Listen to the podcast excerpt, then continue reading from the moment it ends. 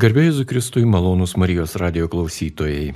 Šioje laidoje kviečiame suklusti ir nurimti minutėliai tuos radio klausytojus, kuriems brangi yra lietuvių dailė. Ja įvairiais laikotarpiais įvairiai ir vadinome. Vienu metu ją vadinome lietuvių liaudės menas, kitu metu vadinome dailė, dar kitu metu vadiname etnografinė dailė ir taip toliau. Pavadinimas čia netiek svarbus. Kalbėsime apie kryžių meną. Jis Lietuvoje yra vadinamas kryždirbystė, o tie, kurie kryžius kūrė, buvo vadinami kryždirbiai. Ir šiandien apie kryždirbystę mums maloniai sutiko papasakoti humanitarinių mokslų daktarė, dailėtyrininkė Skaidrė Urbonienė. Jai klausimus užduoda Liutauras Serapinas ir aš sveikinuosi su gerbiama Skaidrė. Labadiena, garbė Jėzui Kristui. Labadiena. Taigi kryžiai ir Lietuva, na, tradiciškai sakome, kad tai yra susiję, bet visai neseniai ant savo artimo žmogaus kapo aš norėjau, na, kažkur gauti saulutę. Iš metalo iškaltą kryželį su tais tipiškais lietuviškais ornamentais, kurie vieniem primena gyvatėlės, kitiems saulės spindulėlius. Ir žinote, nėra tų saulučių taip kad nueiti, pasižiūrėti, išsirinkti pas kryždirbius reikia užsakyti. Sako, kalviai galime nukalti bet ką, tik duokit brėžinį. O kad taip būtų, nėra. Tada klausiu, o kodėl neturite gatavų? Tai kad niekam nereikia, o laikyti ir sandėliuoti neapsimoka. Manau, lygiai taip pat yra ir su medžio dirbiniais. Taigi norisi paklausti gerbiamos dailėtyrininkės skaidrės. Jūs domitės kryždirbiste. Viena iš tyrimų sričių yra sovietinės epochos kryždirbystė. Juk sovietmečių kryžiai buvo labiau greunami nei statomi. Galima sakyti turbūt, kad buvo ir, ir kita įtampa, kas būdinga sovietiniai kryždirbystės epochai. Jūs teisingai pastebėjote, kad sovietmečių krikščioniškieji ženklai buvo greunami. Tačiau buvo ir ta kita pusė - tradicijos palaikymo toks procesas. Mes galbūt daugiausia žinome apie tuos griovimus, tad aš čia prieš keletą metų domėjausi būtent sovietmečio laikmečio kryždirbystę, dabar vėl grįžtu pamažu prie šios temos. Ir mane pačią labai nustebino, kiek vis dėlto žmonės, kaip žmonės entuziastingai iš pradžių palaikė šią tradiciją. Aišku, politika, antireliginė politika padarė savo, tačiau visų laikotarpių išliko žmonės, religingi, tikinti žmonės. Ir taip pat patriotiškai nusiteikę, kurie tą kryždirbystės tradiciją puoselėjo. Kas būdinga šiam laikotarpiui? Kryžių ir kitų sakralinių mažosios architektūros paminklų, nors ir buvo pastatyta, bet jų buvo pastatyta iš ties ne, ne per daugiausia. Žmonės nukreipė veiklą į kitą pusę. Jie stengiasi išsaugoti senuosius paminklus. Kaip žinome, buvo melioruojamos gyvenvietės. E, žmonės keliami į kolūkinės gyvenvietės, į miestelius ir paprastai ne viską gali žmogus išsivežti iš tų savo buvusių namų, tačiau kryžius ar koplytėlės ar kitus paminklėlius jie stengiasi persigabinti, jeigu tik tai galėjo, arčiau savo naujųjų namų. Ir buvo toks netgi įdomus reiškinys, kad perkeldami paminklą, senąjį paminklą, prie naujų namų, jie įrėždavo į paminklo stiebą perkelimo datą. Tai pavyzdžiui, ekspedicijose esu nufotografavusi ne vieną koplytstulpį ar kryžių, kuris buvo iš senosios vietos perkeltas į kitą ir ant jų buvo išdrošti, pavyzdžiui, 1972 ar 1980 metai. Ir atrodo, kad tas paminklas būtų pastatytas tais metais. O iš tikrųjų jisai būdavo arba per, perkeliant šiek tiek, aišku, paremontuojamas, arba tiesiog, tiesiog toks, koks buvo ir, ir perkeltas.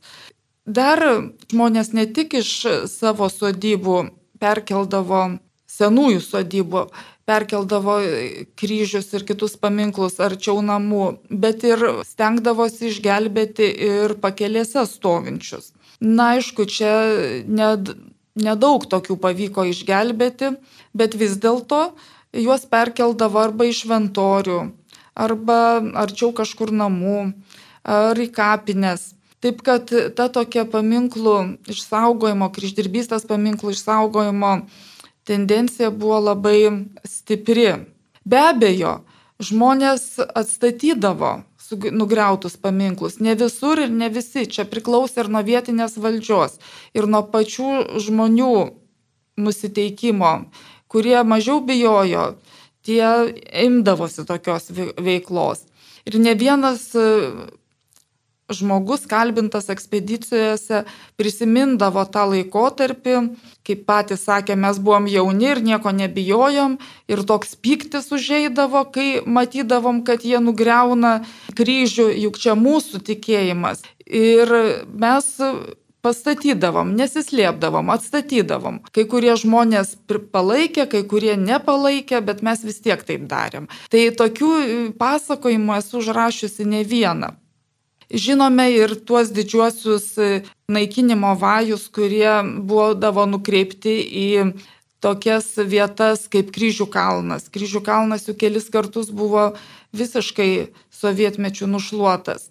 Tačiau po nakties atsirasdavo vienas kitas kryželis ir ilgainiui vėl jie tam kalne dygdavo vienas po kito. Ir žodžiu, niekaip negalėjo sovietų valdžia išnaikinti to žmonių pasiryžimo ir katalikybės tų ženklų kraštovaizdyje. O kaip žinome, Lietuva jau nuo XIX amžiaus garsėjo tuo, kad kryžiai buvo tokia neatsiejama Lietuvos kraštovaizdžio dalis ir neveltui šie katalikiški ženklai erzino okupantus. Tai taip pat vyko ir carinės Rusijos okupacijos metu, kai buvo na, taip pat naikinami ir draudžiami statyti kryžiai, taip pat vyko ir sovietų okupacijos metu. Dar norėčiau pasakyti, kad nors ir nedaug buvo pastatyta kryžių, bet jie būdavo statomi panašiai tokiamis pačiomis intencijomis ir progomis, kaip ir anksčiau. Tai pirmiausia būdavo tais kryžiais atsidėkojama Dievui už vieną ar kitą malonę, arba į juos būdavo sudėdami kažkokie prašymai, įžadai. Labai nemažai tų kryžių buvo pastatyta pildant įžadus. Ir dėl sveikatos, pavyzdžiui, pasižada žmogus, jeigu pasveiks, pastatyti naują kryžių arba suremontuoti senąjį paminklą. Tokie vat įžadai dažni sovietmečių, kai žmogus pasižada suremontuoti ar koplytėlę, ar koplytstulpį. Ir taip pat iš Sibiro grįž, grįžusieji pastatydavo vienoje ar kitoje vietoje kryželį ir keldavo koplytėlę į medį, nes kaip patys pasakojo, mes Sibirė davėm įžadą, kad jeigu grįšime į Lietuvą, atsidėkodami Dievui padarysime tokią auką, pastatydami kryžių ar, ar, ar koplytėlę įkeldami į medį. Be abejo, sovietmečių daugiau būdavo pastatoma kryžių šventoriuose, na nekalbant jau apie kapines. Iš, iš šventorių erdvę, bažnyčių erdvę valdžia gal kiek ir mažiau kišosi, nors yra, yra tokių faktų, kad kliudyti bandydavo, uždėdavo baudą, jeigu ten būdavo pastatytas naujas kryžius, arba šiaip trukdydavo meistrui įsigyti reikiamos medžiagos, bet vis dėlto šioje erdvėje kryžiai ir koplytstulpiai, koplytėlės sovietmečių buvo turbūt gausiausiai statomi.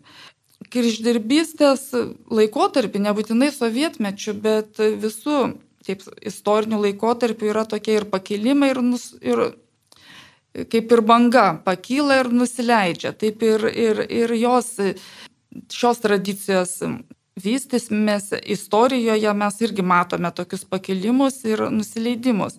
Tai pokario laikotarpiu iš tikrųjų matome iš nuotraukų, iš žmonių paliūdėjimų buvo daugiau pastatoma tų kryžių. Kažkaip matyt, valdžia dar buvo nukreipusi savo žvilgsnį pačių žmonės į trėmimus, į partizaninio judėjimo slopinimą, tad į tuos išorinius katalikiškus ženklus kreipė mažiau dėmesio.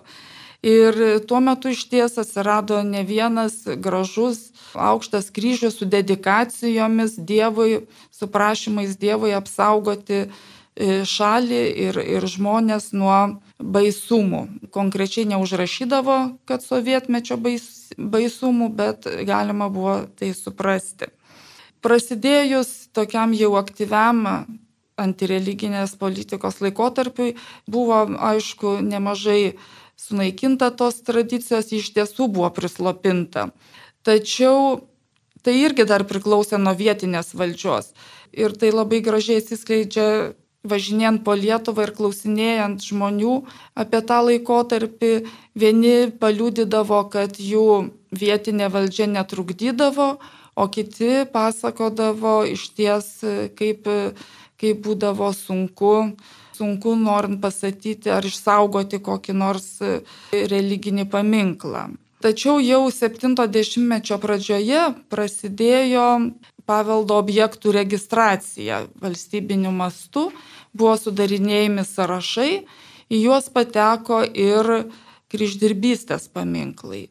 Tai oficialiai jie turėjo būti saugomi valstybės, bet kaip paliudėjo ne vienas e, žmogus, nutarimai nutarimais, tačiau iš tiesų šiems objektams nebūdavo skiriama lėšų, medžiagų jų remontui ir e, jeigu atsirasdavo vienas kitas entuziastas ar iš valdžios, iš kultūros darbuotojų, tai juos e, savo lėšomis arba šiek tiek gaudavo galbūt ir iš biudžeto, paremontuodavo.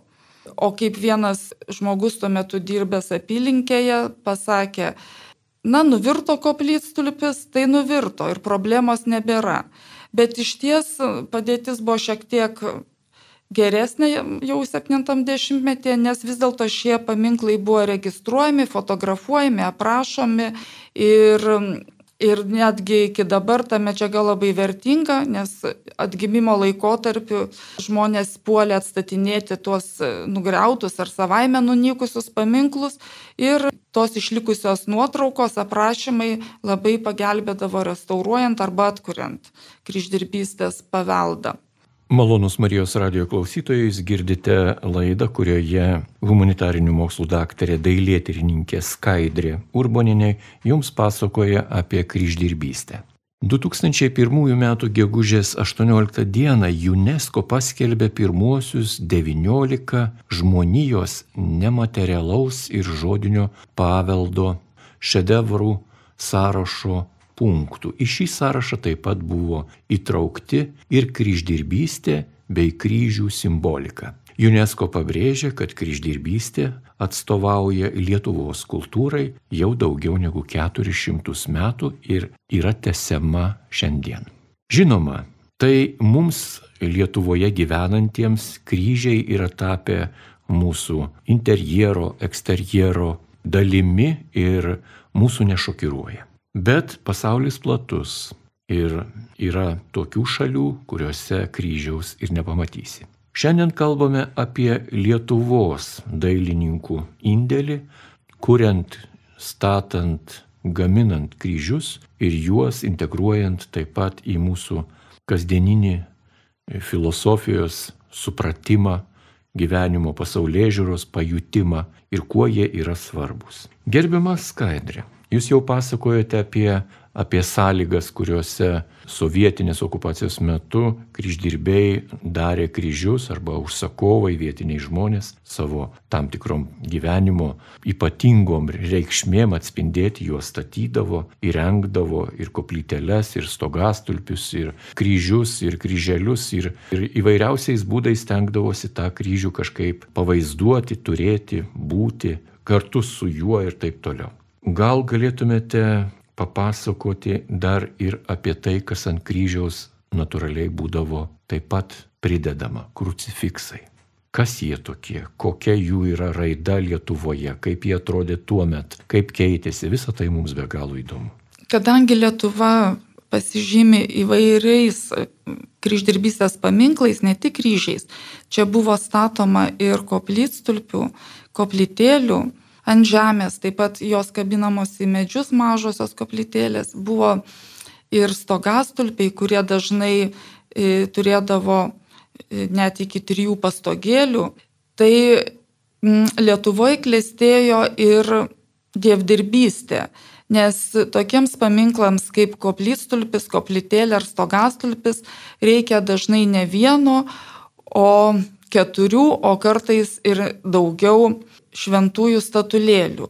Be abejo, kiekvienam paminkle visų pirma kryžiuje būdavo e, nukryžiuotojo Kristaus skulptūrėlė jų išlikę iki šių dienų iš, iš senesnių laikų tikrai nemažai, nes, kaip minėjau, kiekviename paminkle buvo šis Kristaus atvaizdas. Sovietmečių lygiai taip pat kryžių kryžmose būdavo nukryžiuotasis ar medinis droštas ar lietas, bet šis Kristaus atvaizdas visuomet buvo katalikiškame paminkle. Lietuva žinoma ir kaip iš tikrųjų labai tokia ne tik kryžių šalis, bet ir dievų, dievukų šalis, nes dievdirbystė tikrai buvo vienas iš tokių amatų, kurių, kurie turėjo ilgą laiką paklausą. Ir mes e, muziejų fonduose galime pamatyti įvairiausių siužetų skulptūrėlių. Tiek Jėzaus Kristaus, tiek švenčiausios mergelės Marijos, tiek šventųjų moterų ir vyrų. Tačiau sovietmečių šių skulptūrėlių siužetų įvairovė gerokai sumažėjo, jų išliko įvairesnių senuose paminkluose arba atkuriant juos, nes jeigu, pavyzdžiui, skulptūrėlės dingdavo iš vieno ar kito paminklo, tai žmonės tenkdavosi į jas pastatyti tokio pat siužeto šventojo statulėlę. Aišku, jeigu nepavykdavo užsakyti ar gauti iš kur nors, tai tekdavo apsiriboti tuo, kas buvo prieinama. Ir naujuose paminkluose iš tiesų sumažėjo tas siužetų įvairovė, vyravo Jėzaus nukryžiuotojo atvaizdai, populiari išliko sopulingoji Dievo motina arba pieta, kitaip vadinama, E, rūpintojėlis be abejo visais laikais buvo, buvo populiarus tose mūsų liaudiškose paminkluose.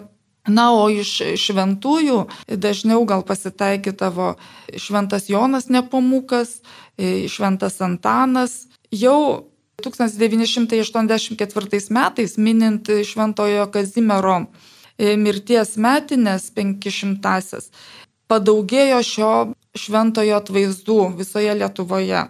Jie būdavo įkeliami į šventorių paminklus arba tiesiog meistrai droždami kryžių šventojo Kazimiero bareljefą išdroždavo pačiame kryžiaus kamienė.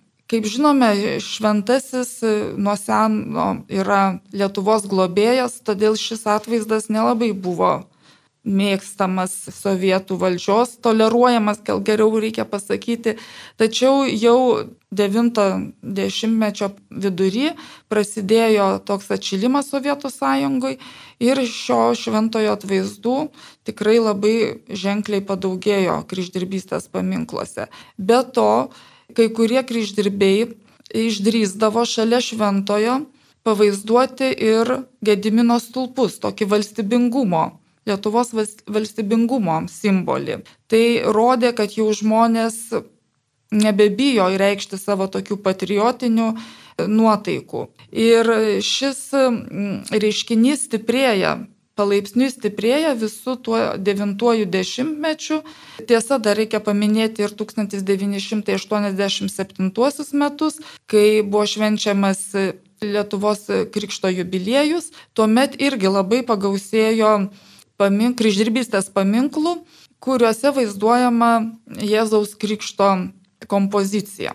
Ir į tokius paminklus taip pat buvo įterpiami tokie valstybingumo ženklai kaip e, Vyčio kryžius ar, ar Gedimino stulpai, arba netgi ir išraižomas ar nutapomas Vytis. Jau prasidėjus atgimimui, dar tiesa ne, ne visai prasidėjus atgimimui, bet jau kūrintis sąjūdžiui 1988-89 metais, kai kurie meistrai sukūrė paminklus, kuriuose šalia Šventojo Kazimiero Lietuvos globėjo buvo pavaizduojamas ir Vytautas Didysis. Vytautas Didysis visada simbolizavo Lietuvos valstybės didybę, ir, ir, ir visais laikais išliko toks valstybingumo simbolis. Ir štai jau sovietmečio pabaigoje šis Lietuvos valdovas įžengė į religinio paminklo ikonografiją. Tai, tai rodė, kad žmonės iš tiesų jau e, stipriai reiškia savo tokias antisovietinės nuotaikas ir yra pasiryžę tolimesniems veiksmams tolimesniems kovos, galima sakyti, e, veiksmams.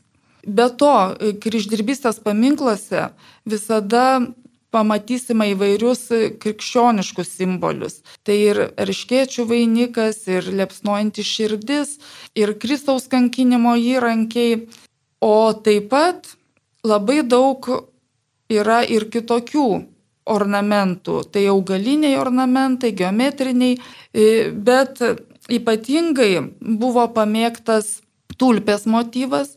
Jis jau nuo tarpukario, nuo pirmosios Respublikos laikų buvo suvokiamas kaip itin tautiškas ornamentas.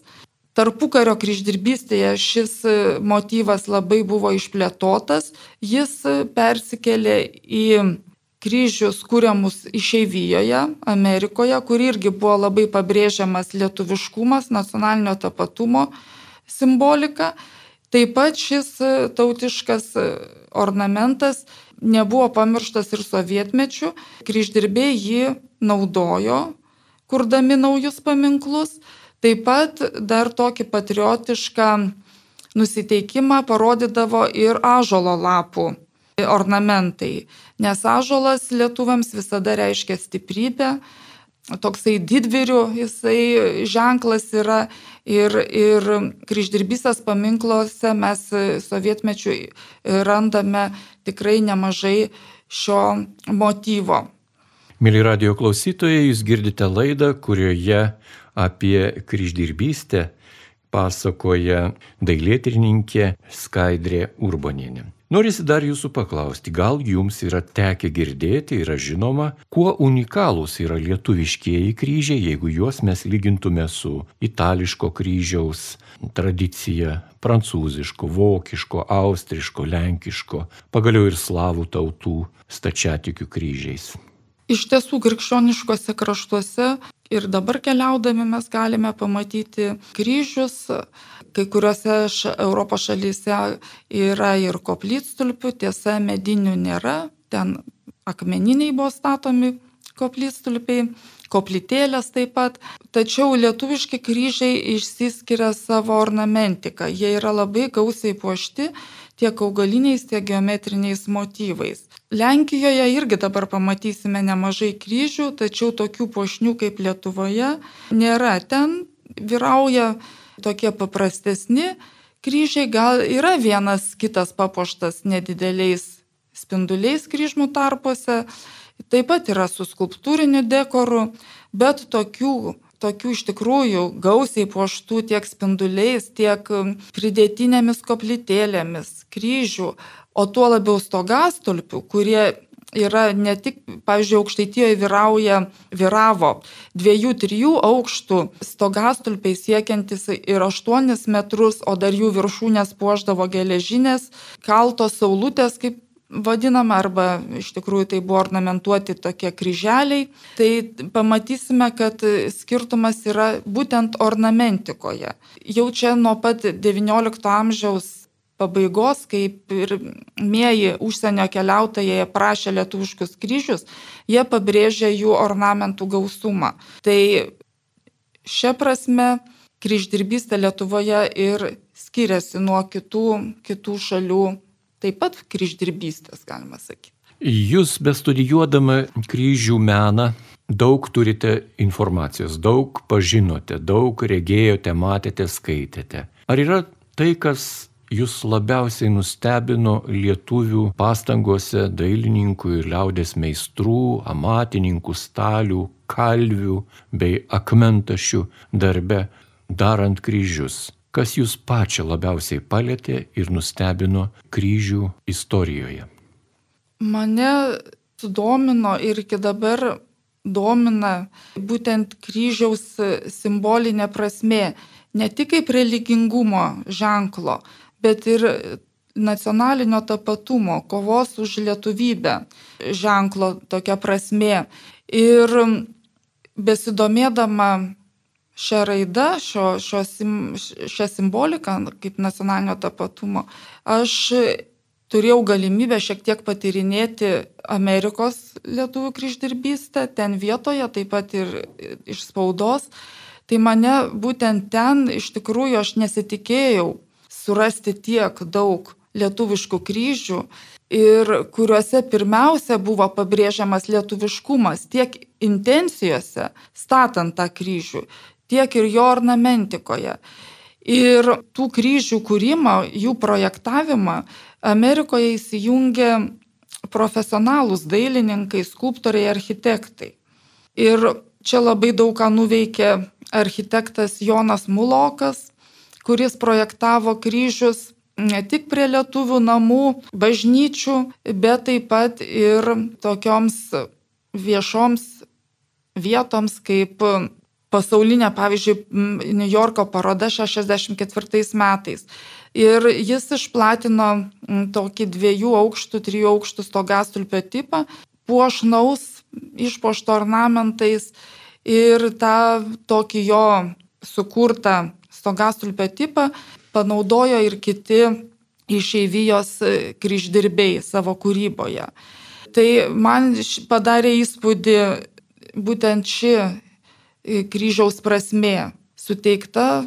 Čia jinai išriškėjo jau, jau 20 amžiaus pirmoji pusėje, netgi ypač sustiprėjo nepriklausomos Lietuvos laikais, kai buvo dailininkų sukurti projektai, pažymintis 1928 metais švenčiama Lietuvos nepriklausomybės dešimtmetį, kur buvo irgi pabrėžiama ta lietuviškumo, lietuviškumo dvasia kryžiuose. Ir šį simbolikos tokį testinumą aš aiškiai pamačiau, labai aiški, aiškus yra išeivijos kryždirbystėje, bet toks gal užsleptas leitmotyvas visų sovietmečių buvo. Irgi tas, tą galima pastebėti.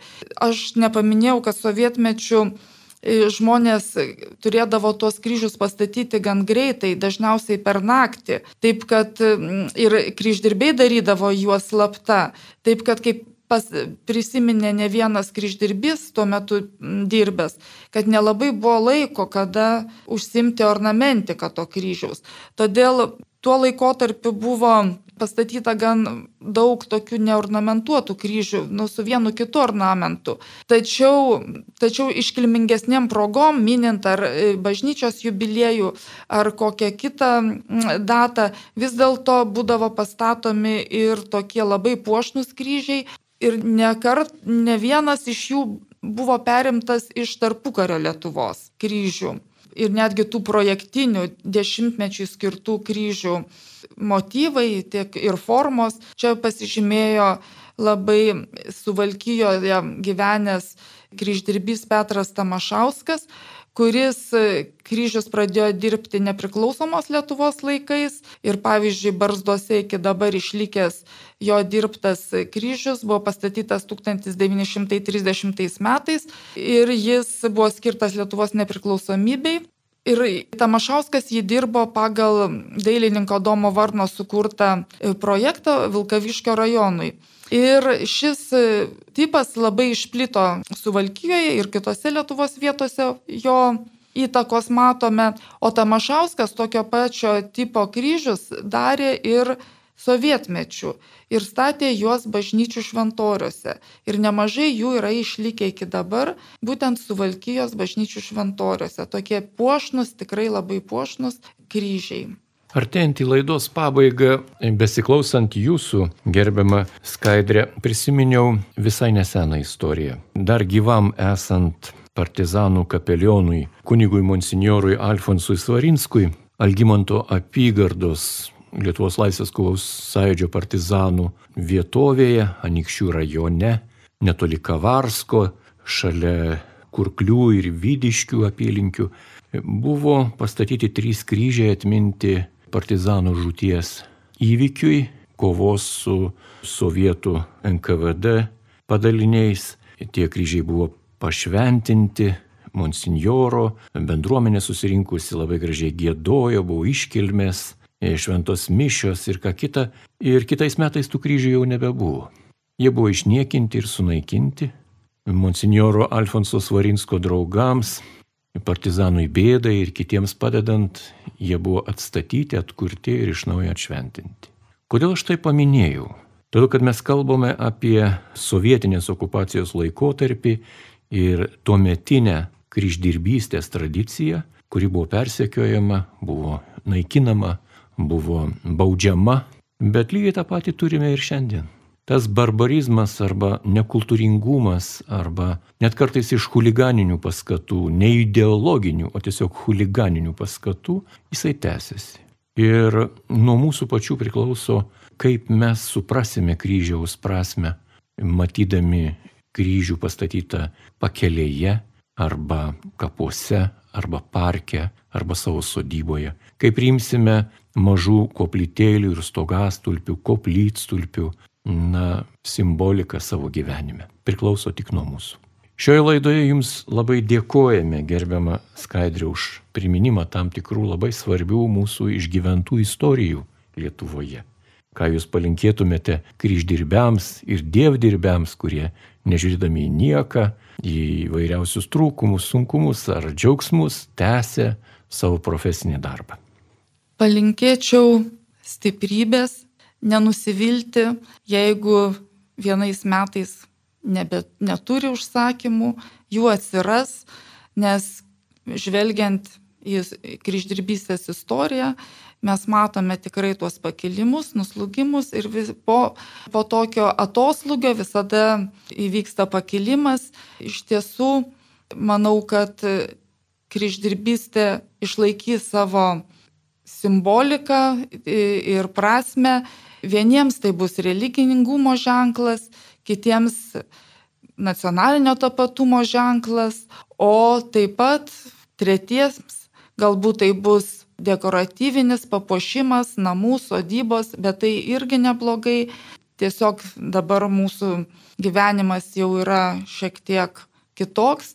Taip kad manau, kad ši mm, tradicija gyvuos ir toliau ir aišku palinkėčiau, linkiu kryždirbiams nenusivilti atoslūgio laikotarpiu ir, ir tiesiog galbūt užsimti skulptūrėlių drožybą, parodinę veiklą, o kryžių, kryžių pastatyti visada tikrai ateis laikas, anksčiau ar vėliau.